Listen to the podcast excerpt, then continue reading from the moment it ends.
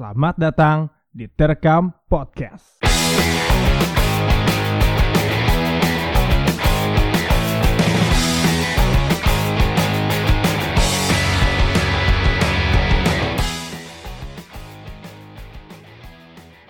Eh, selamat datang di Terekam Talks. Kali ini kita sudah kedatangan the man behind Remind the Forgotten, First Strike, Die Fast, Bibir Merah Berdarah, Teriak Lepas, Sajak Tanpa Suara, Patos. Gak belum beres-beres nih masih ada lagi Siluwangi Selekta dan Jembatan Merah. Uh, Rinjani Reja. Eh, lu risetnya keren banget sih ya. Apa semua? Gua aja lupa itu. Gila gila gila. gila. Ini gue semalam sih baru riset gitu. Oh, gitu? Jadi kayak nemu apa artikel bikinan tahu sebenarnya bang. Ah, Bikinan bikinan tahu ada tuh nama-nama bandnya gue sempet search search cari gitu. Sebenarnya kalau gua awalnya tahu lu itu dari bibir merah berdarah sih bang. Oh, gue oke. judulnya tuh awalnya banget. Karena gua eh, se- lumayan excited tuh waktu itu. Hmm, hmm. Eh, apa namanya?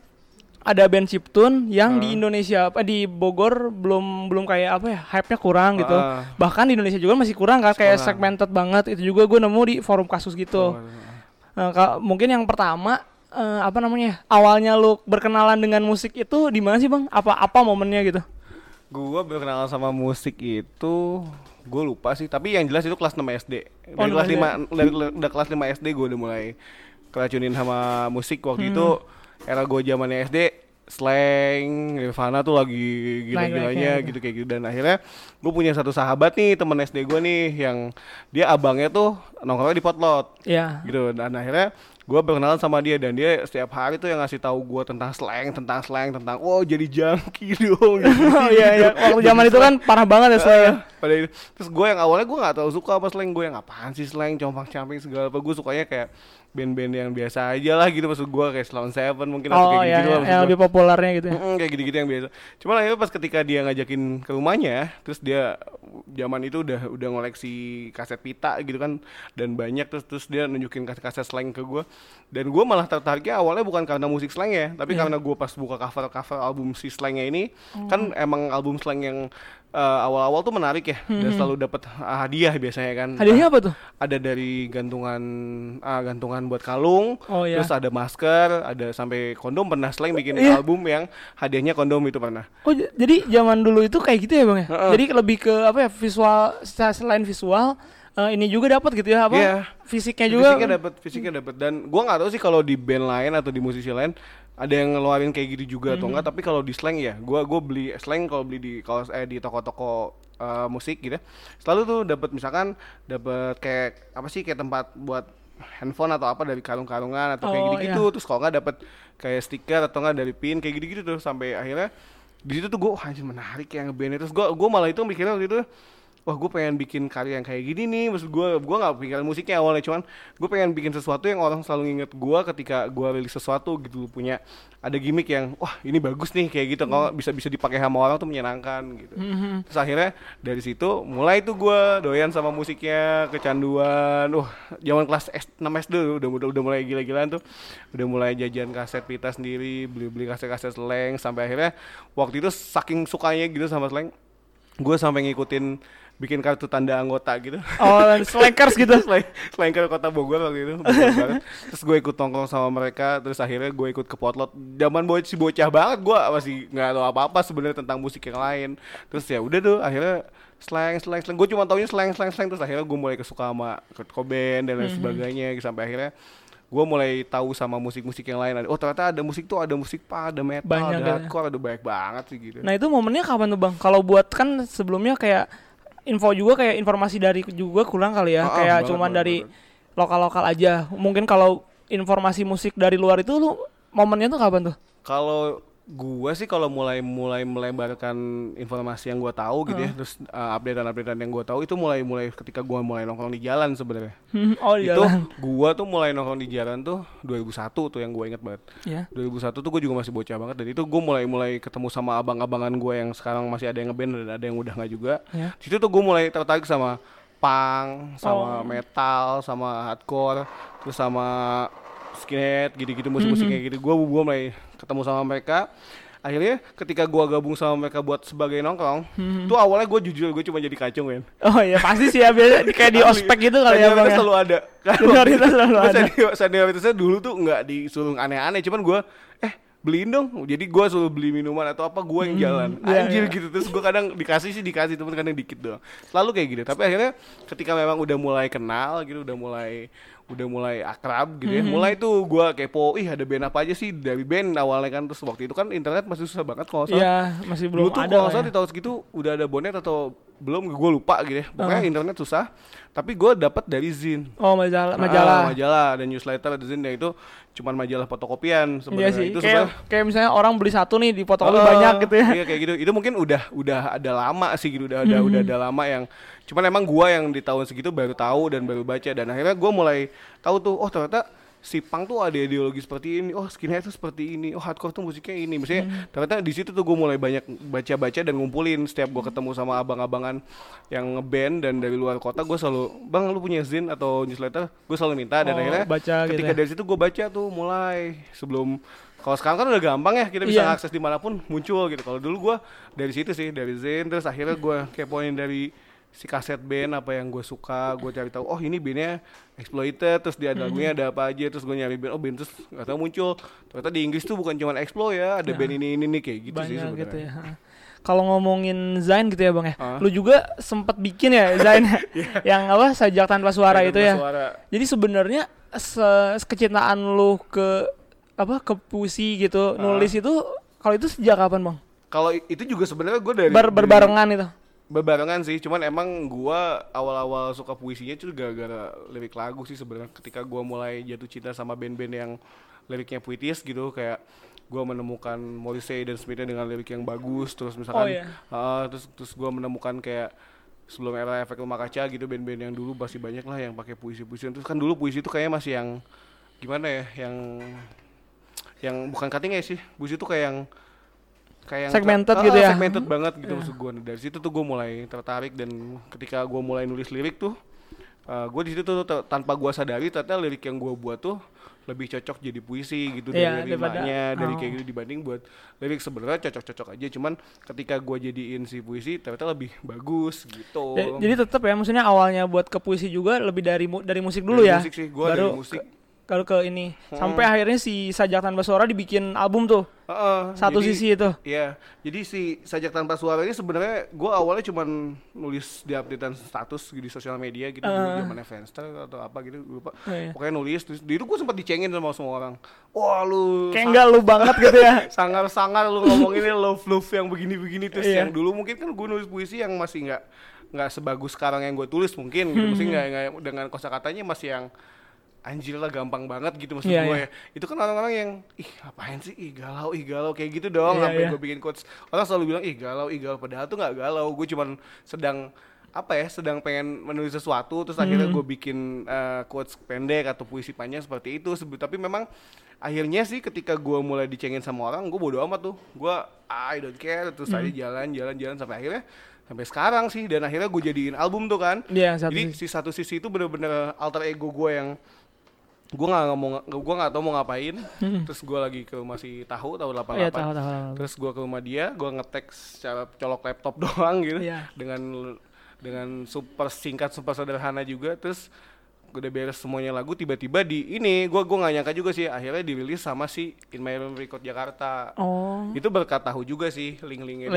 Link-linknya. Heeh, akhirnya bisa dirilis dan gue kaget juga sih anjir ini kan materinya jelek banget gitu Iya. tapi bisa dirilis tuh kaget juga sih gue Ah, berarti kalau dari kan tadi tujuan lu ngeluarin kayak sajak tanpa suara terus kayak satu sisi itu kan lebih ke alter ego lu gitu. Heeh. Maksudnya tujuan lain selain ngeluarin sisi lain lu tuh ap- ada lagi nggak kira-kira bang? Karena kan eh, lu juga baru ngeluarin lagi nih yang baru tuh yang 24 Desember ya. 24 Desember Mungkin kan tujuannya sama kali ya dengan satu sisi Iya. atau berbeda.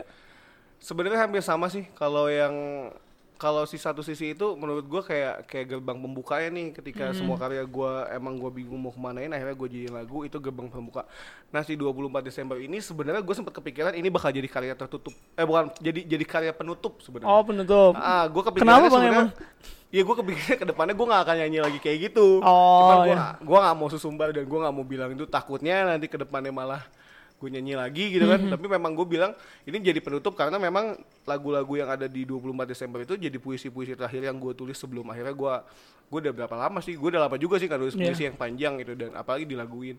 Jadi ini tuh jadi kayak album penutup dari si satu sisi yang awal sebenarnya gitu mungkin kalaupun nanti bakal ada lagi itu dengan si apa ya dengan si konsep baru gitu maksud Iya. gue Tapi yang gue denger ya bang kayak kayak laki gitu, terus kayak laju gitu. Eh. itu nggak nggak alter, alter ego lu banget sih, cuman lebih Oh, ke kata-katanya aja yang alter ego Hmm. mungkin. Cuman dari spirit-spirit yang lu sampein tuh, kalau kata gue hampir sama dengan kayak apa namanya kayak BMB misalnya, ah, bibir ah, merah ah, berdarah. Mungkin ah. kalau bibir merah berdarah kan lebih ke politiknya gitu. Politik, iya. Kalau itu lebih ke diri lu dan sekitar lu Iya lebih ke kayak gitu. Jadi spiritnya sih tetap sama kalau Iya. kata gue.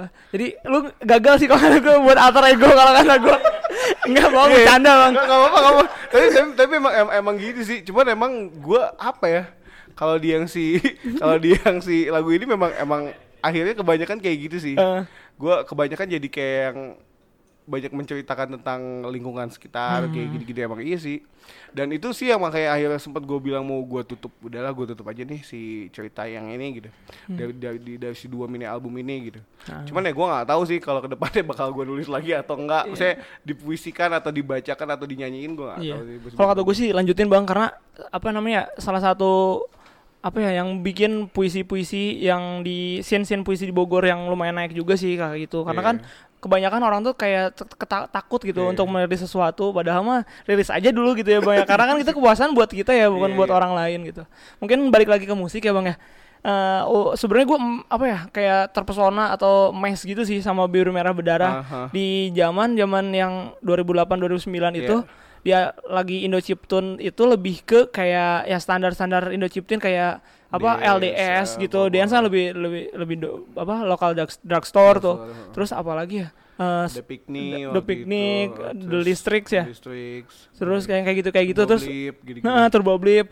Nah, apa bibir merah berdarah keluar dengan eh, nuansa yang lebih sangar gitu. ya kan lu gue gue masih keren loh kalau kata gue itu. Hmm, nah, itu kalau ngomongin Indo Chiptune, lu awalnya gimana Bang kalau perkenalan dengan Indo Chiptune itu? Padahal di ya, tadi kan yang kata gue di Bogor aja sedikit apal eh di, di Indonesia aja sedikit apalagi di Bogor, Di gitu. Bogor. Walaupun ada Turbo Blip ya di Bogor. Ah. Itu gimana tuh Jadi awalnya? sebenarnya awal perkenalan gue sama Indo Chiptune atau Egbeat dengan lain sebagainya itu itu gara-gara gue ketemu tahu sih sebenarnya. Iya, Itu Tahu. gue ketemu tahu. Shout out Jadi, ya buat tahu. Bener, kalau nggak ketemu tahu atau nggak ngeband sama tahu, mungkin gue nggak akan pernah mainin Chiptune atau tahu Chiptune itu, atau Mhm. mungkin nggak akan ada merah berdarah sampai sekarang. Karena memang waktu itu gue sama tahu tuh sama-sama punya band. Tahu Iya. punya Seven Troopers. Iya, Demon Troopers. Ah, Seven Troopers musiknya lebih popang lah ya, atau, Ah, popang. dulu sebutnya melodic lah gitu. Iya, Terus gue punya Remind the Forgotten yang yang genrenya udah ke thrash metal gitu waktu Hmm. atau atau atau udah, udah jadi metalcore gitu. Dari situ tuh gue sama-sama jenuh sama tahu gitu. Seven Troops sudah mulai nggak jalan, Remind the Forgotten masih jalan, tapi gue memang orangnya tuh kayak nggak apa ya selalu terobsesi dengan hal baru yang gua nggak tahu gitu. Iya. Ini apa sih sebenarnya apa sih? Terus akhirnya gua sama tahu sepakat buat membentuk si merah berdarah ini. Merah Berdarah. merah berdarah awalnya. Terus Iya. dulu tuh kenapa kita memang pilihannya nggak mainin dance pop atau segala lupa. Jadi sebelum ada merah berdarah si tahu tuh punya suara pabalatak. Oh iya. Suara Ah, pabalatak suara itu Pabalatak. Proyeknya dia dengan musik kalau nggak salah sih lebih ke dance popnya gitu. Dance, Oh. dance pop elektroniknya gitu ya. Oh jadi suara Pabalatak tuh setelah se- sebelum, Sebelum BMB malah. BMB, sebelum BMB. Kirain gue setelah loh bang. Nggak, itu sebelum BMB dulu, cuman emang anget-angetan sih karena Iya. mungkin kan kalau kita bikin apa-apa sesuatu sendiri kan kadang spiritnya ngikutin mood ya. Ah. Gitu sih, gitu. Akhirnya suara pabaltaknya bukan ditinggalkan sih, nggak terlalu jalan. Akhirnya gue bikin merah berdarah, bibir merah berdarah. Ternyata responnya bagus. Hmm. Iya sih. gitu. Karena memang gue waktu itu sampai ketahu mikirnya, wah kita bikin yang beda hu, jangan bikin yang pop lagi atau atau dance, Dance, atau iya. atau apalah gitu atau atau house gitu yang tapi dengan chiptune gitu.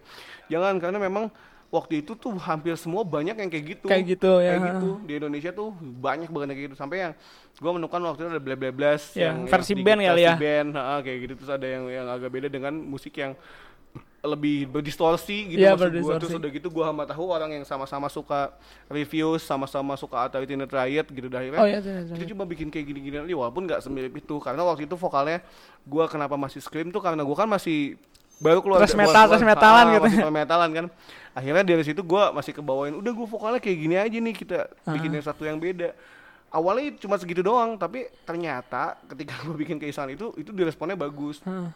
gua ngetek di album Presta Toke and Batten ya gue lupa nama Iya, itu namanya. itu gue lupa dan itu mini albumnya dirilis di New Jersey kan Iya, itu New sama Jersey. Fucknet label emang kita nggak dirilis berbentuk fisik sih kalau tahu gue cuman dirilis dengan si free download dan tapi itu kan karena punya labelnya si New Jersey dan si Hmm. Trash Fucknet label itu kan emang uh, apa ya label yang menaungi musisi-musisi noise Iya. itu cukup cukup bikin geger juga sih Iya. wah anjir ada nama baru di Bogor bibir merah berdarah Nah, musiknya kayak gini dirilisnya sama si ini gitu itu, Hmm. itu cukup bikin kita waktu zaman itu, wah anjir keren banget gitu sih kata Iya. orang gitu. Kalau kata gue sih sebenarnya ya gitu-gitu aja gitu. Terus akhirnya di situ mulai tuh eh, terbuka banget sih main di kota-kota orang kayak Jakarta itu sering banget Iya. Depok tuh sering banget terus kebenaran kita di 2010 ya apa 2000 berapa kita main di Pesta Mek- Pesta Mikro Iya, Pesta Mikro tuh. kan uh, Hajatannya. hajatan hajatan terbesarnya Chiptune di Indonesia lah ya yang Iya. diselenggarain sama Indo Chiptune. Waktu itu kita main sama DJ dari Prancis sama dari Jerman kalau nggak salah dari Singapura gitu gue lupa gitu ya. Terus ada teman-teman lokal juga yang main gitu.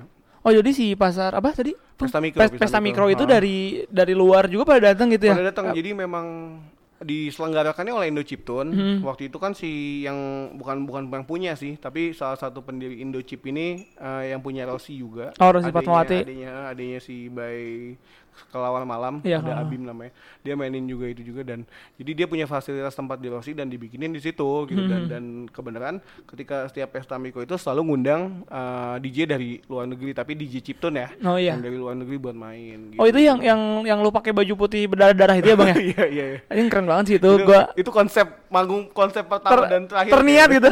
Iya. terniat kayaknya.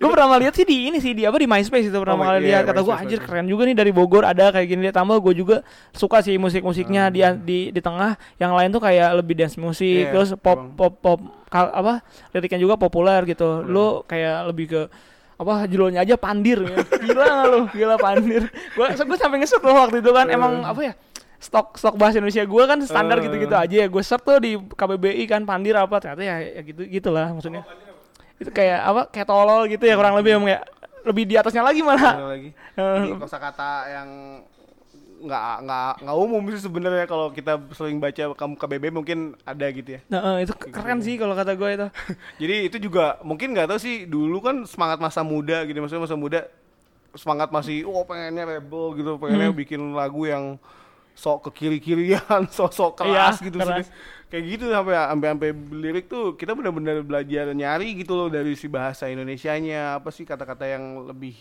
lebih nggak umum kayak gitu-gitu Hmm. sampai akhirnya ya bisa bikin lirik yang kayak gitu gitu malah sih kayak yang si apa si hujan dan hujan pun terkunci Terkunci di tengah hujan, hujan. Malah malah terkabul ya doa-doanya ya Iya, emang. kayak itu jadi kayak lebih ke ini kan sih bang kayak di Bogor tuh kayak kurangan tempat apa sih umum gitu ya Ya, jadi emang. pesannya kayak gitu kurang lebih kan ya itu sih sebenarnya jadi kurang tempat ngobrol bareng gitu Iya. dengan malah bikin hotel-hotel eh sekarang udah lumayan banyak nih walaupun sebenarnya tujuan lainnya ada sih kayaknya Iya. bukan bukan buat bikin taman atau apa gitu Tapi memang itu juga salah satu lirik yang gua nggak pernah nyangka juga anjir gua bikin lirik kayak gini zaman dulu ya gitu dengan dan hujan pun terkunci di tengah kujang itu kan setidak langsung juga sebenarnya itu romantis sebenarnya kan. Parah sih. dia- tapi dia di, di di sisi lain juga mengkritik sangat gitu Mhm. itu.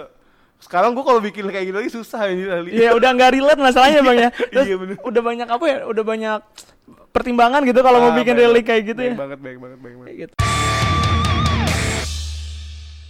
Kalau kalau ngomongin musik-musik yang tadi kan lu kurang lebih tuh kayak sering kerjasama bareng tahu nih. Ya, bisa- maksudnya eh, apa sih sebenarnya bang yang bikin lu sering bikin kolaborasi eh, kolaborasi atau project bareng tahu? sebenarnya gue juga nggak tahu sih, nggak Hmm. tahu kenapa gitu ya sama tahu tuh Iya. Sebenarnya gue di sama tahu tuh nggak akrab yang Iya, nggak- setiap hari ketemu gitu yang bro banget yang gue curhat setiap hari curhat gitu udah Iya. enggak gue dulu kalau waktu masih BMB aktif mungkin iya karena gue sering banget ke rumah tahu Hmm. tapi tuh udah beberapa tahun sekarang tuh gue nggak pernah sampai sama tahu kayak gitu nggak pernah sama sekali Eh. cuman gue nggak tahu ketika gue bareng sama tahu selalu ada hokinya tuh Iya. hokinya tuh ya nggak tahu mungkin tahu juga kayak gitu gitu padahal kita udah punya proyekan masing-masing nih tapi ketika kita barengan berdua selalu jadi sesuatu maksudnya Iya, gitu iya, sesuatu iya. jadi ya entah itu jadi gebrakan awal buat kita ataupun enggak kayak gitu. Maksud gua kayak ini deh kayak yang terbaru kayak Siliwangi Selekta mungkin di Bogor kan Selekta banyak. Bahkan yang lebih awal daripada gua atau tahu bukan banyak juga gitu. Iya. bukan bukan bukan gua gitu. Mungkin ada yang lain-lain gitu. Cuman gua nggak tahu kenapa ketika gua bikin Siliwangi Selekta dengan nama yang sangat-sangat iseng banget gitu ya Iya. terus emang dapat panggungnya langsung bagus itu orang di situ malah jadi kayak wih si ini nih bikin sesuatu lagi dan booming gitu maksudnya. Iya. jadi kayak jadi kayak ngawalin. Padahal bukan gue yang ngawalin masih banyak teman-teman yang lebih dulu gitu daripada sih, gue gitu. Kalau tahu mungkin udah lebih lama daripada gue buat mainin elektronik gitu. Hmm. cuman emang nggak tahu kenapa ketika gue bareng sama tahu bisa jadi sesuatu. Walaupun sebenarnya kalau dibilang gue sama tahu bro banget yang Enggak. itu juga nggak nggak juga gitu. Bahkan gue sama tahu sering yang beda gitu Beda pemikiran beda pemikiran sering gitu kayak gitu. Cuman terus gue juga banyak sebelnya sama tahu atau nggak dia juga sama kayak gitu sebel. Tapi memang ketika kita bikin proyekan musik gitu selalu jadi gitu. Gue Iya bingungnya gitu sih. Gue juga kadang nggak ngerti sih itu entah seleksi alam entah gimana. Tapi ketika gue ketemu tahu di musik gitu ya, bikin sesuatu selalu jalan sih. Kayak Gitu emang sih. jodohnya gitu kali ya. Nggak ngerti sih kayak soalnya gitu. so- soalnya gue nanya ini kan karena ada beberapa kali lu sering bareng ya? Nah, gitu sih. Bang sebenarnya kalau kalau selain itu ya bang gue pengen nanya lebih ke kan dari lu awalnya kayak thrash metal gitu kan sempat hardcore juga. Terus awal-awal kayak folk atau sekarang kayak Indo chiptune tuh apa chiptune chiptune gitu. Gitu, gitu.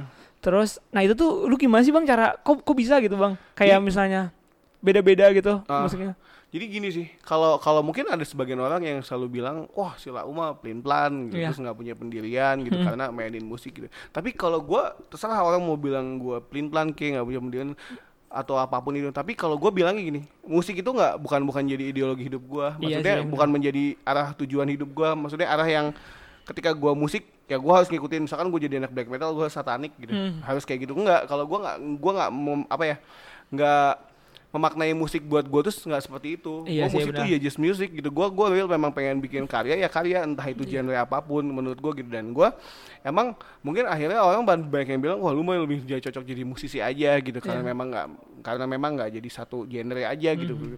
Ya udah, gua akhirnya memang ya terserah lu mau melabeli gua apa tapi memang gue pribadi sangat nyaman dengan apa apa pun yang pernah gua lakuin dan pernah gua buat. Karena dengan gua pernah nyobain bikin band ini itu ini itu ini itu akhirnya gue jadi banyak tahu Iya. sekarang gitu. Ketika ada temen ngajakin ngobrol soal musik A B C gue minimal tidak buta gitu Iya, gue tahu gitu. Dan akhirnya gue bisa it- pakai itu buat buat gue ketika ada teman-teman yang interview gue atau apa kayak gitu sih sebenarnya. Jadi banyak tapi memang teman-teman yang nganggap wah lu mah pelin pelan gak punya pendirian tapi gue itu bodo amat kalau gue akhirnya Iya bodo sih. amat karena memang menurut gue kepercayaan gue sendiri gitu. Musik ya just music gitu. Hmm. tidak ada di ideologi hidup gue maksudnya ideologi yang harus gue pegang. Gue black metal nih harus gue satanik gitu. Enggak karena gue masih bisa banyak mainin yang musik lain gitu maksud gue Iya. kayak gitu. Toh mereka juga yang ngomong nggak ngasih lu duit gitu ya bang ya? Baik lagi sih sebenarnya ke situ sebenarnya. Jadi dulu sih gue sempet agak sedikit memusingin sih. Misalnya kayak wah ada yang ngomongin gini. Gue sempet "Ah, anjir gimana? Tapi sekarang udah bodo amat sih gitu. Kan bahkan bahkan gue saking capeknya gitu ya nggak dengerin orang yang ngomong ya udahlah. Karena memang kadang orang yang ngomongin tuh juga belum tentu sebaik kita kan. Maksudnya sebaik kita dalam artian belum tentu karyanya sama kayak kita gitu ada Iya. ada ada hal yang real yang dia lakuin gitu sih Iya sih. Terus tambah gini loh, maksud gue yang kalau lo- walaupun lu kayak beda-beda genrenya gitu, tapi jadi semua gitu bang, Iya. berakhir dengan karya gitu, nggak cuman yang kayak ngomong-ngomong doang Oh. gitu sih, yang lebih kerennya tuh. Alhamdulillah sih gitu. Jadi emang itu jadi salah, salah satu pembuktian sih menurut gua ketika gua mainin banyak warna musik gitu ya dibikin sesuatu itu gua minimal harus ada yang hasilin dulu. Hasilin dalam artian selalu minimal punya rilisan kalau nggak Ya. punya lagu atau nggak namanya minimal dikenang gitu sih. Saya terserah kayak gitu sebenarnya sih. Mm-mm. Dan itu sih gue juga nggak mau yang cuma nyobain nyobain nyobain tapi gua nggak punya bekas apa pun gitu. Kalau sekarang kan lu misalkan nge-search genre aja ada nih yang folk gitu kayak gitu Iya. kayak gitu kan dan siang metalnya ada kayak gitu-gitu maksud gua minimal gue tetap punya karyanya sih itu aja sih. Ya. Kan buat yang kayak metal sama hardcore-nya kan udah agak lama ya bang ya, udah nggak Hmm. lama rilis udah lama. banget. Mhm. Itu ada rencana baik lagi nggak tuh? Kalau buat yang si hardcore kayaknya enggak karena gua tuh du- dulu gua mainin hardcore tuh dulu sebenarnya sama First Strike dulu. Overstrike. Ah, ya, gue sempet diajakin sama First Strike. Waktu itu tuh gue lupa 2003 apa berapa gitu ketemu Abot. Itu gue diajakin itu band bahkan itu band pertama kali gue kalau menurut gue maksudnya band itu udah ada tapi gue baru diajakin jadi personilnya gitu. Itu menurut gue itu salah satu Abot tuh menurut gue salah satu orang yang cukup berjasa buat gue karena dia yang memperkenalkan gue sama banyak teman-teman yang gue gak kenal akhirnya kayak tongkrongan di Darmaga waktu itu di BNI PB itu ada sama Abot juga dikenalin sama yang lain-lain. Itu gue agak berterima kasih sama Abot walaupun sekarang Abotnya kayak begitu gitu ya maksudnya ya gue juga nggak yang sejalan-jalan amat sama tapi gue berterima kasih sama Abot karena Abot juga sudah membantu gue mem- mem- memperkenalkan gue bahkan banyak ngasih link buat tongkrongan pada zamannya gitu ya. terus akhirnya di hardcore tuh sampai di Divest tuh Divest kan gue sempet di Divest juga Iya, bikin Divest. Akhirnya gue dipecat karena gue mabok mulu akhirnya, akhirnya udah tuh gue emang udah memutuskan buat nggak main hardcore lagi. Terakhir kemarin sempet tuh Silver Fight minta bantuin gue buat jadi vokalisnya, Aha. jadi vokalis kedua selain nama Bopak. Cuman di Luster Fight tuh gue memang tidak mengamini buat, oh udah deh gue jadi personil karena emang gue udah punya edisi di Luster Fight sudah ada Bopak gitu ya yang Hmm, memang punya keren. karakter kuat buat di band itu dan Iya. dia leader vokalsnya juga segala jadi akhirnya gue mundur dia gue nggak ikutan lagi karena memang ini band emang udah cocok kayak gini udah dengan Iya. Bopak nggak ada dua vokal udah akhirnya dari situ sampai sekarang gue memang memutuskan untuk tidak memainkan kembali musik hardcore gitu. Tapi Hmm. kalau ngedengerin mah ya tetap suka gitu. Tapi gue kalau buat ngeband lagi kayaknya enggak. Kalau metal kebetulan band gue Remind the Forgotten ini lagi sering ketemu lagi nih. Hmm. Oh, lagi sering bahkan gue kemarin manggung kan. Oh, di manggung. eh, di acaranya si eh, anak-anak My Beloved Enemy waktu itu di ada faraway itu.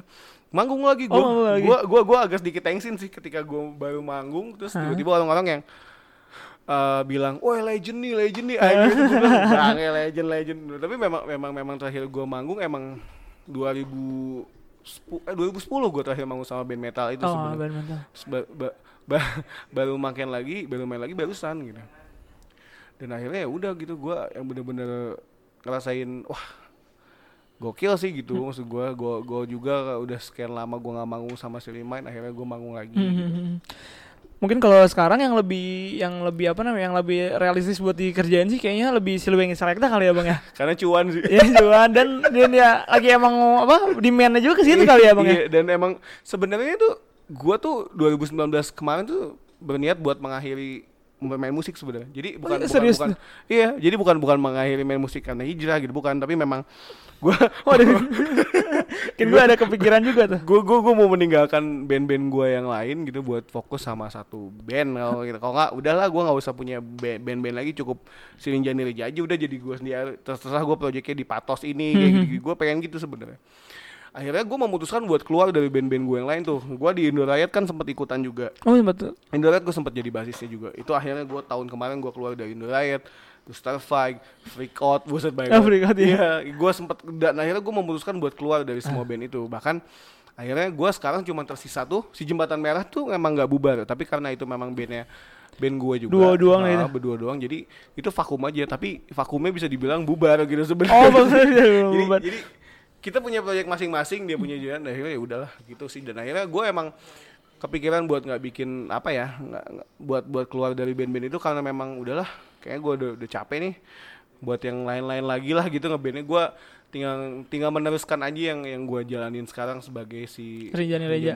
Si Patos gitu sebenarnya dan sebenarnya si akustik ini juga gue nggak nggak yang serius ngejar target banget juga enggak sih sebenarnya gitu Iya.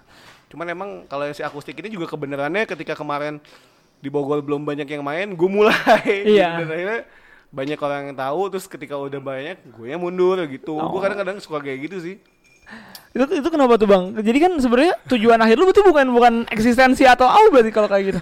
gua gua gua nggak ngerti sih itu tujuan akhirnya eksisten apa. tapi akhirnya gua kayak yang oh udahlah gua gua udah udah ngerasain nih udah udah cukup oh cuman berarti. cuman biar tahu aja gitu ya. kadang kayak kadang kadang kadang kayak gitu sih tapi kadang yang kalau buat si akustikan ini memang itu salah satu apa ya salah satu yang gue suka dari dulu yang musik pertama kali gue mainin ya musik-musik yang akustikan seperti ini jadi kalau sekarang pun gue nggak akan bilang gue udah nggak mainin akustikan lagi tapi Iya. memang udah aja lah kalau ada panggungnya manggung kalau nggak ada ya udah gitu gue Hmm. jadi memang itu jadi bener-bener sisi gua yang bener-bener sampai ke depannya gitu kalau kalau patos kan sebenarnya emang itu juga lagi-lagi juga project iseng sebenarnya Iya. kan awalnya iseng-iseng malah ternyata jalan, Jalan dan menghasilkan gitu ya.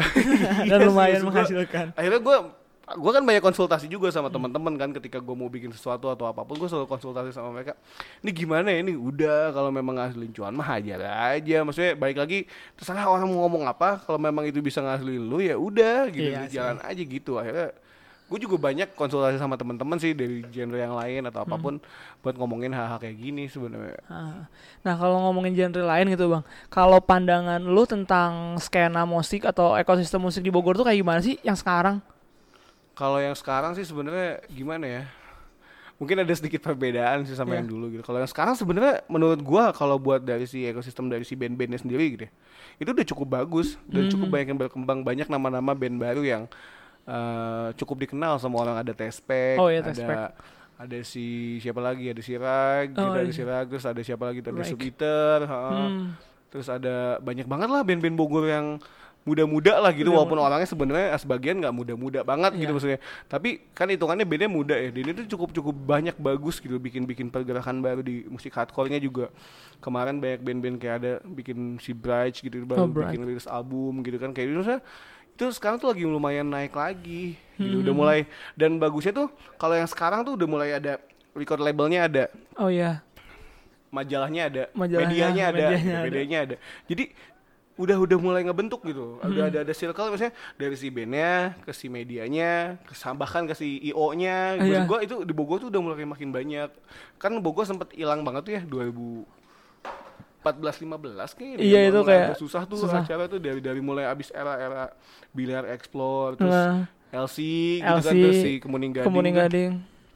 Dari masa itu kan udah mulai agak sulit tuh. Hmm. band-band udah mulai nggak ada tempat jarang ada band. Sampai mungkin efeknya ke regenerasi yang sekarang anak-anak muda anak-anak sekolah jarang suka ngeband ya. Iya, ini bikin parah banget sih. karena mungkin dulu kan mungkin mereka pengen ngeband karena abang-abangannya dia di sekolah atau Ngikutin, apa pun ngeband gitu. Jadi ngeliatnya wah nih jadi anak band. Kalau sekarang kan enggak gitu. Jadi yang ngeband pun juga kadang yang bertahan ya itu, itu aja kan. Hmm. akhirnya jadi yang ah ngapain ngeband sekarang mendingan jadi anak nongkrong aja gitu yang eksisnya kayak gitu Hmm. sih kebanyakan Jadi pada akhirnya sekarang tuh yang ngeband tuh cuman yang bener-bener niat aja ya bang ya. Iya. Jadi bagus atau enggak ya kayak gitu kira-kira? sebenarnya sih sebenarnya sih dibilang bagus juga nggak bagus-bagus amat karena mungkin Ah. jadi regenerasinya nggak nggak banyak gitu ya? nggak banyak tapi memang kalaupun kita maksain juga orang-orang buat sama kayak kita biar suka juga ada susah gitu karena Hmm. memang mungkin sekarang orang udah tidak tertarik sama musik tuh atau sama ngeband tuh Hmm. sama kayak dulu tuh udah nggak banget gitu entah entah karena gua nggak ngerti sih entah karena memang lebih gampang info atau segala rupa tapi memang nggak terlalu banyak lah gitu Nah, mungkin kalau kan tadi udah tuh kayak musik-musikan dari ah, dari skena yang di Bogornya gitu. Mm-mm. Mungkin kalau dari Abang ke depannya mau kayak gimana nih? Apa project musiknya? yang tadi udah sih sebenarnya ya, sebenarnya pengen udahan gitu. Cuman ini mau kayak gimana tuh ke depannya? Se- sebenarnya sih gitu sih pengen rehat gue bukan udahan ya rehat lah gitu pengen udah lah gitu cukup. Tapi memang kalau buat gue sih ke depannya sekarang mungkin gue nggak bakal ke depannya nggak bakal nyobain bikin band-band baru lagi. Sebenarnya itu niat gue sih jadi emang udahlah gue mainin band-band yang udah gue ada aja gitu. Kalaupun gue harus mainin metal lagi itu pun juga bukan band baru itu band-band lama yang memang ada terus teman-temannya pengen main lagi ya udah main aja gitu. Jadi memang gue sih pengennya kalau ke depan gue nggak bikin sesuatu yang baru lagi jadi memang udah aja tinggal ngejalanin yang sekarang udah ada gitu nah untungnya gue punya si patos ini patos kan memang konsepnya kan memang pemutar lagu sebenarnya Iya, gue kan nggak bikin lagu. lagu. gitu ya nggak nggak produce musik jadi memang ketika memang di depannya nanti ada musik apa pun yang laku di bidang pemutar musik misalkan kayak misalkan kan sekarang koplo lagi oke nih Iya. misalkan tahun depan fangkot misalkan Iya, atau nggak apa gitu ya gue bisa ngikutin itu di patos jadi memang Oh. patos tuh kan nggak kepentuk genre sebenarnya walaupun memang lebih seringnya gue maininnya jamaikan musik gitu sih sebenarnya Hmm. Jadi lebih fleksibel sih Hmm, patosnya nih. itu sih. Nah, kan Bang Rinjani Reja ini baru rilis 24 Desember ya. Yeps, Berapa hari yang lalu deh, Bang? Kayak semingguan kali ya. seminggu tanggal 1 September deh kalau nggak Ah. salah rilisnya tuh Nah, yang si Laju ini udah kayak jagoannya kali ya dari 24 Desember. Apa gimana, Bang? kebanyakan kalau teman-teman sih bilang itu eh, hit singlenya sih tapi kalau menurut gue sih sebenarnya ada yang lebih oke lagi dibanding yang itu. Tapi memang kebenaran laju itu lagu yang lebih gampang diterima sih. Karena lagunya juga memang eh, liriknya tentang cinta juga gitu Aha. terus tentang tentang Bogor banget gitu. Karena gue nyebutin nama Bogornya juga. Dan akhirnya jadi kayak lagu anthem aja gitu anthem buat si apa ya anthem buat si orang-orang Bogor gitu yang kasmaran gitu-gitu sih Oh, ha. terus selain itu juga kalau yang da gua sih yang paling suka tuh yang lelaki sih Bang jujur. lo Kayak ini laki tuh kayak breakdown banget gitu ya. Itu tuh cerita dari lu atau atau gimana, Bang? Kalau laki sih itu tentang gua banget sih. Jadi sebenarnya itu lagu tuh buat kado buat ibu gua. Kemarin eh, ibu gua tuh tanggal 17 Agustus tuh eh, ulang tahun. Hmm. Cuman tadinya tuh niatnya sih 24 Desember tuh rilis tanggal 17 Agustus. Hmm. Tapi melenceng sampai akhirnya ada di tanggal 1 September. Terus akhirnya si lagu laj- eh si lagu lelaki itu memang emang agak sedikit dalam kali ya kalau saya bilang Iya. karena memang itu memang sesuai pengalaman hidup sih. Karena Iya. memang eh lagu itu tentang perceraian orang tua, terus tentang gimana caranya lu survive dari kehidupan lu gitu sebagai sebagai korban perceraian gitu. Terus lu tumbuh dewasa tanpa tanpa tanpa tanpa kasih sayang orang tua yang full gitu. Sampai akhirnya lu milih jalan buat yang ah gue ugal-ugalan aja lah gitu. Tapi Oh, gue gitu pengen gitu eh, tapi gue pengen berarti juga nih karena selain gue ugal-ugalan kayak gitu gue juga ternyata memang masih sayang sama orang tua gue gitu akhirnya gue bikin satu lagu itu yang akhirnya bikin sebagai tanda cinta sebenarnya seba, seugal-ugalannya gue sebagai broken home gitu ya bukan sebagai anak broken home seamburadul gue nyobain ngedrak segala apa akhirnya gue tetap cinta sama orang tua gue sebenarnya gitu. Terus akhirnya gue tetap apa ya punya punya banyak eh, yang pengen gue kasih sebenarnya buat orang tuh tapi memang nggak bisa karena mungkin belum tersampaikan karena gue dipisahin sama bokap gue udah lama banget gitu ya sampai nggak bisa nggak ketemu sampai sekarang gitu dan akhirnya ya udah sekuat apa pun gue mau gimana pun gue tetap lelaki gitu harus Iya. bertahan gitu sih akhirnya lagu lelaki itu sedalam itu sebenarnya makanya beberapa teman yang sebenarnya nggak terlalu ngedengerin laju pasti bakal ngedengerin lelaki karena itu kadang-kadang mewakilin sih Iya gitu. sih benar. Sebenarnya pesan ini juga sempat sedikit gue denger di darah juang sih bang ya. Kayak Ah, apa? Bunda apa Ah, sih? Bunda lahirkan, Bunda relakan, Bunda relakan darah juang kami itu. Ayo lupa Ya gua. itu pokoknya intinya kayak minta Iya, izin nih iya. ke, ke ini kalau kita tuh mau apa mau fokus nih kayak Ya, gitu kan. Betul, betul. Kayak gitu. Terus yang selanjutnya itu Sundari ya bang ya. Sundari ya. Kalau Sundari itu cer- ceritanya tentang apa tuh bang? Sundari itu sebenarnya lagu kolaborasi gue sama Idam the Kuda. Oh Jadi Idam Nukedah. Idam the Kuda tuh waktu itu punya chord, gue punya chord nih. Hah. Terus akhirnya eh, sini gue isi liriknya, gue bilang waktu itu kita masih belum tahu lagu ini buat dibuang ke mana, maksudnya dirilis Hmm. ke mana. Akhirnya Idam ngasih si chord ke gue, terus akhirnya gue menulis lirik itu di kedai kalam waktu itu. Oh iya. Jadi Sundari itu gue sih sebenarnya eh, orang mungkin bakal taunya tuh Sundari tuh kayak menceritakan satu sosok orang gitu ya, Ya. sosok perempuan gitu Sundari. Padahal Sundari ini nggak nggak nggak apa nggak nggak nggak jadi satu orang gitu sosoknya. Jadi Sundari itu sebenarnya lebih cerita tentang ketika kita mulai satu langkah lebih dewasa dari sekarang. Misalkan kita pacaran ya, Hmm. akhirnya kita nikah sama perempuan itu. Terus ketika kita nikah tuh kita harus benar-benar siap nerimain keadaan apa pun gitu. Oh Maksudnya ya ngerti, ngerti. ketika yang uh, apa ya ketika lu merasa sakit Hmm. atau ngerasa seneng itu semua bakal dibagi bersama keluarga gitu sama istri lu atau sama suami lu gitu jadi akhirnya Sundari itu jadi sebagai curhat teman-teman gue yang udah married juga sih oh ternyata udah married tuh kayak gini nih gue sama istri gue ada yang mengeluh ada yang Hmm. seneng banget gitu akhirnya ternyata dalam kondisi apa pun lu tetap harus bisa survive bareng berdua nih karena lu udah berkomitmennya gue udah bukan pacaran lagi gue nikah gitu loh. Gue udah harus temen sampai gue die gitu kasarnya gitu ya. Hmm. Iya bener-bener sih, yang bener-bener yang apa nikahan yang satu kali untuk selamanya gitu maksud gue nah itu sih Sundari itu sebenarnya tentang ke situ sebenarnya. Hmm. Terus ada track selanjutnya tuh yang kayak track yang udah agak lama gitu ya bang yang judulnya Halimun. Itu Ah. bener gak sih?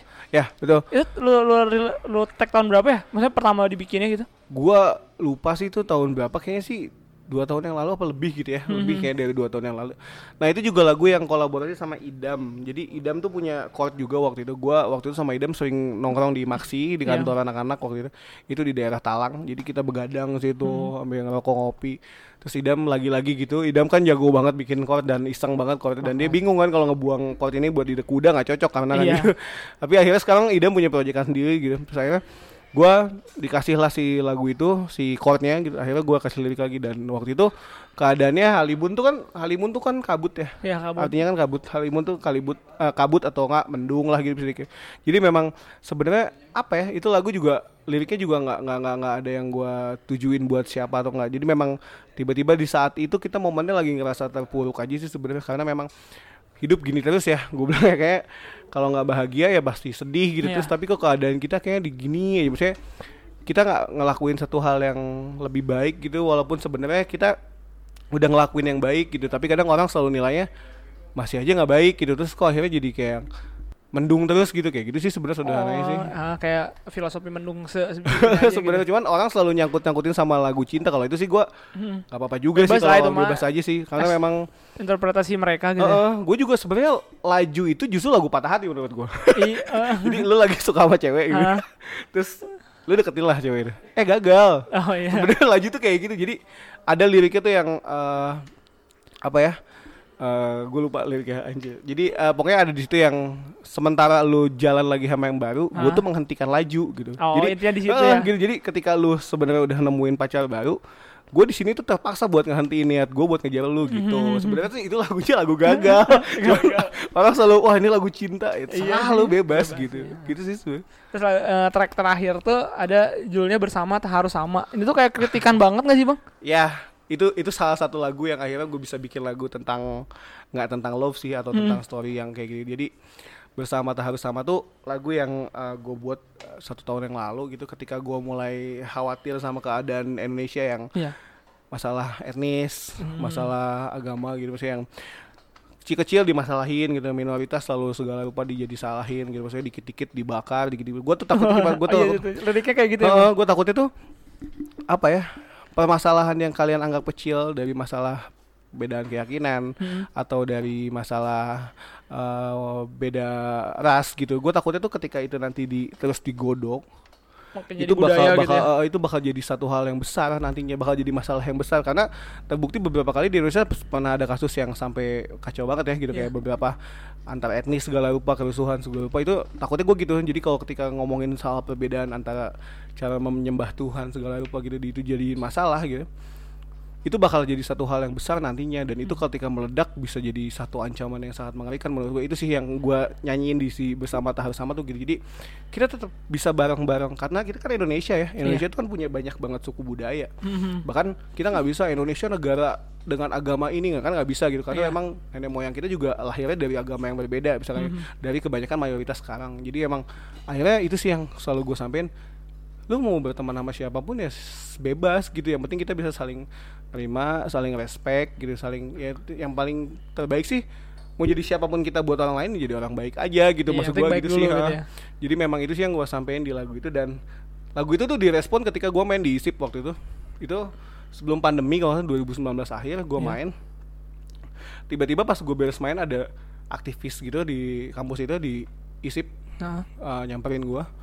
Dia langsung ngajakin kolaborasi. Dia dia, dia punya grup musik tapi yang uh, percussion gitu ah, perkusi. Terus tiba-tiba dia merespon lagu itu yang gue jarang nih nemuin yang orang nyanyiin uh, tentang temanya tentang agama tentang perbedaan agama gue lebih sering nemuin orang ngomongin tentang kehilangan imunnya atau misalkan Iya, hak kayak gitu. asasi gitu kayak gitu jarang ketika orang ngomongin soal agama karena memang gue nggak tahu orang nggak sampai mikir gitu atau mungkin Hmm. takut buat nyampein itu gitu. tapi gue dengerin lu nyanyi ini dapat walaupun sebenarnya musik sederhana gue cuma mainin Hmm. lagu itu cuma tiga chord apa empat chord doang gitu pokoknya. Dengan lirik yang sebenarnya nggak nggak juga terlalu apa ya sastra banget juga enggak terlalu frontal juga enggak sebenarnya kayak gitu. Tapi kata dia dapet gitu nyampe nya dapet. Karena lu ketika sebelum membawakan lagu itu lu uh, menjelaskan sedikit gitu lagu Hmm. ini seperti ini kekhawatiran gue tentang uh, Indonesia ke depannya tentang perbedaan agama suku dan lain sebagainya selalu digodok seperti ini. Itu sih akhirnya yang gue nggak nyangka sih ada beberapa mahasiswa yang bisa dibilang sih mungkin mereka aktivisnya gitu di kampus itu yang merespon itu. Kira gue bakal wah anjing didatengin kalau nggak diajakin mabok. Nanti diajakin yang aneh-aneh nih kalau Iya. gue demen ternyata nggak mereka malah ngajakin buat ngobrolin soal lirik dan kolaborasi. Walaupun sampai hari ini kolaborasinya gue belum pernah jalan karena kita memang rencananya mau ngerekaman ulang. Jadi lagu itu dibawain versi si percussionnya gitu dan gue ditambahin si perkusi itu. Dan akhirnya sampai sekarang belum sampai kesampaian cuman emang kita udah beberapa kali ketemu sih buat malah jadi ngobrolin hal-hal yang jadi mereka juga orang-orang yang aktif di acara kamisan-kamisan Jakarta juga ternyata gue bilang oh oke lah Mungkin awalnya yang kayak gini-gini tuh cuman kayak kepentingan buat pemilu doang gitu ya. Bang. Kalau dibiarin aja sih sebenarnya kayak bisa bisa jadi udah biasa gitu ya. Malah ini bawa Iya sih. jualan kayak gini tuh. akhirnya gue sering jadi jengkel sendiri sama orang yang memang akhirnya jadi rasis gitu sama orang yang beda etnisnya sama kita atau mungkin beda keyakinannya maksud gue bahkan gue sama ibu ibu ibu sendiri ibu ibu gue sendiri sering gue sering bukan gue bukan marahin sih. Cuman gue sering bilang ketika dia eh, bilang ada misalkan saudara gue yang nikah sama Etnis orang- lain gitu. etnis lain dia bilang bangsa iya bangsa iya maksudnya Ya, wah ngerti. saya tahu mah bangsa iya gitu Ah. gue selalu nyokap nyokap gue entong gitu gitu gue bilang nggak Iya boleh sih. gitu lu gue bilang gitu sebagian dari rasis juga kalau lu ngomong kayak gitu maksud gue gue selalu menerapkan itu dari si family sendiri karena memang nggak nggak nggak nggak sehat juga sih maksud gue ketika ngomongin kayak gitu Kayak Kimin sih teman gue juga gitu. Kalau nyokapnya beda pendidikan sedikit kayak dikasih tahu lu gitu. Gitu. Mungkin eh, sedikit balik ke musik ya, Bang ya. Hmm. Eh, katanya lu meninggalkan pendidikan untuk musik katanya. Itu Oh. ceritanya gimana tuh kalau bisa diceritain? gue tuh orang yang nggak sekolahnya nggak beres sebenarnya jadi gue zaman sekolah dari dari S- dari SD gue udah mulai suka musik kelas 6 SD Oh, yang tadi ceritain. Ah, udah, udah, mulai nongkrong ke potlot segala rupa terus dari SD tuh Slang ya ternyata. slang, slang and the gangs lah terus SMP mulai masuk ke dunia punk, Mhm. hardcore gitu terus mulai nongkrong-nongkrong di Jembatan Merah tuh di lapangannya Yudi Pongo 2003 gitu. Iya. Gue mulai ikut nongkrong terus SMA udah makin nggak bener tuh hidup gue karena udah mulai ngeband terus segala rupa terus gue dulu sempet masuk-masuk sekolah gitu lah. terus dipecat karena gue jarang masuk jadi gue emang orang itu nggak suka sama tawuran tuh nggak Ah. suka sama tawuran nggak suka nggak suka deh gue yang aktivitas anak-anak sekolah gitu tawuran gue suka nggak suka gue suka ngeband gitu Hmm. Oh jadi bolos itu bang? bolos gue lebih sering bolos kok jadi yang bikin gue dipecat dari sekolahan tuh Gara-gara remind the Eh, forgotten apa? Enggak, Oh, belum. enggak. Itu sebelum Oh, belum. Oh, sebelum belum. terima itu gue masih masih masih nongkrong nyari temen sih gue nggak Mhm, ngeband. Jadi emang gue emang pengen sendiri sendiri itu. Akhirnya gue cabut gitu nggak nggak nggak nggak dari sekolah nggak bener sampai akhirnya lulusnya ya PM. Jadi yang sekolahan paling saya paling Ya. apa adanya aja gitu gue udah lah. Jadi walaupun sebenarnya gue menyesal karena gue nggak ngelanjutin kuliah kan waktu itu nyokap udah nawarin, lu kuliah nggak lu? Gue bilang nggak, ah, gue mimpi gue gini gini. Tapi sampai sampai sekarang walaupun memang gue nggak bisa sebesar bim bim slang tapi setidaknya gue bisa mengabulkan mimpi gue itu udah Ya, udah mau menjadikan jadi nyata mimpi-mimpi lu Iya gitu sih, ya. Gue cukup bersyukur dan cukup merasa alhamdulillah juga sih gol juga menurut gue Iya karena benar sih. Mimpi gua sampai berantakan di sekolah tuh ternyata buat musik tuh akhirnya sekarang mulai mulai apa ya mulai dapat tempat gitu Iya, mulai mulai mulai mulai terkabulkan itu sih sebenarnya jadi jangan di jangan diikutin lah kalau kayak gitu ya maksudnya jadiin yang baik yang ambil yang baik-baiknya aja gitu ambil ya. yang Bang. baik-baik aja kalau ada yang baik-baik diambil Pasti ada lah Bang gila seorang Rinjani Reja gitu. Amin. Terus selain selain di musik lu juga eh, agak aktif bukan agak aktif di di persepak bolaan lokal ya Bang ya. Gitu. yes Mungkin gua nggak nggak lebih nggak nanyain ke ini sih nggak bolanya cuman gue sih pengen nanya menurut lu kan eh, musik dan bola tuh kayak udah nggak bisa dipisahin ya apalagi akhir-akhir ini gitu kayak 10 tahun 15 tahun terakhir itu tuh menurut tuh eh, jembatannya tuh di mana sih biasanya bang kalau gua sih sebenarnya melihat antara musik dan si football itu yang samanya itu malah bukan dari ketika Hmm. mendukung si tim ya sebenarnya Iya. tapi ketika lu bisa berkontribusi membuat satu lagu Anthemnya misalkan gitu atau ya. anthem buat si buat si supporternya itu itu baru bisa berkontribusi besar menurut gua karena kita tuh ketika kita bikin lagu bola terus kita dipakai sama mereka itu sama juga kita menyemangati mereka. Jadi lagu kita tuh benar-benar menjadi apa ya power buat mereka gitu. Sama kayak gue bikin lagu buat si PSB Bogor gitu ya. Iya. Yang si Anthem 1940 eh 1950 1950. heeh. itu gue nggak pernah nyangka juga kalau si awalnya tuh gue cuman bikin di voice note waktu itu. Iya. kayak gini gini gini tiba-tiba direspon bagus terus akhirnya gue pakai genjrengan kita dan akhirnya masuk gitu dan akhirnya sampai sekarang tuh lagu yang gue buat itu selalu dinyanyiin di stadion ketika Hmm. si timnya mau main mau main di Bogor mau main di kota mana pun ketika sebelum pertandingan dan sudah se- sesudah mau pertandingan itu lagu itu pasti dinyanyiin sama teman-teman di tribun jadi gue bikin gue sedikit terharu juga sih maksud gue yang awalnya anjing gue cuma bikin lagu cuman itu gue bikin lagu cuma tiga chord G C D Iya, G, C, D, biasanya kalau kalau yang lagu-lagu anthem-anthem gitu kayak sederhana gitu ya yang penting Iya. orang bisa nyanyiin Iya. singelong gitu gue bikin lagu cuman G C D terus tapi masih banyak orang yang ketika di YouTube bang ini chordnya apa gue bilang aja ini gampang banget gitu Hmm. maksud- kayak gini gini maksud gue tapi golnya buat gue sih lagu itu didengerin sama banyak orang sampai di di di SoundCloud tuh udah hampir 20 ribu orang lah yang yang dengar gitu dan terus ketika di stadion pun orang selalu apa lagu itu? Bahkan gue yang nyiptain lagu itu suka lupa. Iya, ahli, ahli gue ahli gue terakhir kan yang acara mereka tuh acara ulang tahun mereka gue suruh nyanyi kan lagu itu lupa gue lirik. Salah gue karena kebanyakan lagu mungkin ya. Jadi gue kasih aja sama mereka lagi nyanyi gini kayak gitu sih. Heeh. mungkin ya Kak, eh, kalau kan ba- Bang Rinjani Reja ini banyak banyak bikin lo bikin lagu ya. Heeh. Kalau sebutin satu lagu yang paling lo suka dari lagu yang pernah lo bikin dari dari BMB dari mana-mana gitu. Oh, gua. Ada nggak satu aja? Bingung. Gue top of mind lo lah minimal. Apa ya? Eh atau atau yang apa orang yang nggak expect banyak tapi ini apa keren menurut lo gitu.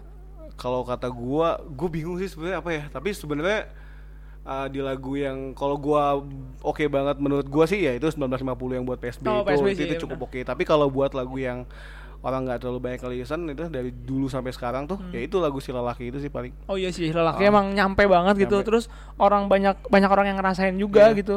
itu apa ya kado kecil buat orang tua tapi ternyata Hmm. memang ya gua nggak tahu sih nyokap gua atau bokap gua nggak denger apa enggak tapi gua memang lagu itu gua kasih tapi memang ternyata yang nyimak teman-teman yang lain yang ih gue juga sama nyokap gua cerai segala itu menjadi menjadi anthem juga buat mereka maksudnya jadi Iya. nemenin juga gitu itu oke juga sih gue wah ternyata banyak juga nih orang yang uh, tersentuh dengan atau enggak merasa ditemani gitu dengan kayak gitu-gitu sih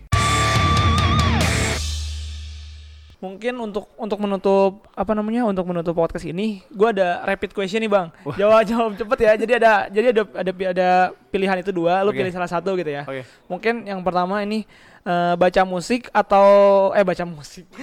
Kenapa jadi baca musik anjir? Baca puisi atau baca novel? Baju puisi, Baca puisi. Terus topi jerami atau kaos? kaos, Patos atau Siliwangi Selekta? patos, Jelas ya. Ini nih, West Ham atau Liverpool? Liverpool. Liverpool. Anjir ganggu bapak, bapak pilih West Ham loh. Bahaya. Bahaya, bahaya. Satu lagi, satu lagi. Oke. Satu sisi atau 24 Desember? 24 Desember. Tetap ya, Tetap. karena yang paling baru Iya. dan fresh sih, fresh fresh Iya, banget sih. Dan itu goalnya sih buat gue sih, Nah. bikin lagu akustikan, lagu pop lah gitu. Heeh, walaupun walaupun ada beberapa yang udah lama juga ya, sana sebenarnya- yang laju tuh ya. Ya sebenarnya udah lagu yang hampir setahun yang lalu gue share sebenarnya. Mhm. Cuman emang diperbaharui lagi dan ternyata memang masih sangat diterima sama orang-orang sih sebenarnya gitu. Hmm. Mungkin yang terakhir eh, di ini aja bang, apa namanya di promo ini si 24 Desember yang baru rilis kapan minggu lalu ya? Eh, ta- tanggal tanggal satu gitu. tanggal kan. satu. Ah. Itu bisa didengerin di Spotify Hmm. eh, Rinjani Reja slash 24 Desember. Kalau nggak di YouTube-nya juga ada ada. Gue juga kayak itu dari pihak Spotify-nya YouTube ada semua lah gue gue Oh, iya, iya. gampang dibajak ya kan. Musik ya yang musik itu. Ah, yang musik. Terus di kalau mau support gue dengan membeli si apa? rilisannya? Si, ah, rilisannya dengan digital dan original gitu, legal. Itu bisa kalian beli di Bandcamp, Bandcamp, Oh, iya, Bandcamp. bandcamp.com slash Reja 24 Desember. Itu bisa kalian beli cuman 7 dolar kalau nggak salah satu album itu. Itu jadi itu bisa kalian bantu buat kalau kalian masih Support, peduli dengan gua buat bikin musik lagi ke depannya bisa di situ yang legal gitu. Tapi Heeh. sisanya sih kalian bisa dengerin di YouTube sih. Gitu. Oh.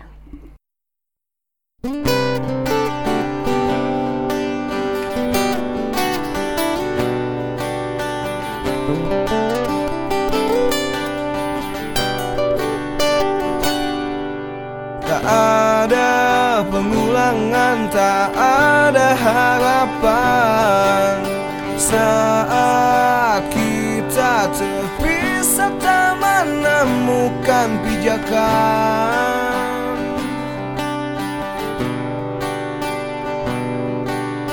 Kamu berlalu dengan cerita baru. Sementara aku menghentikan laju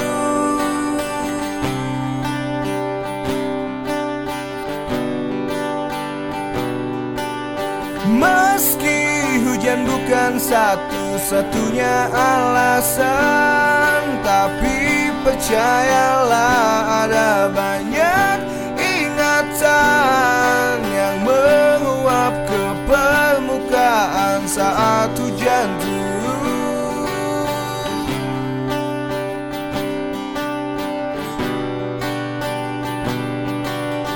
Ada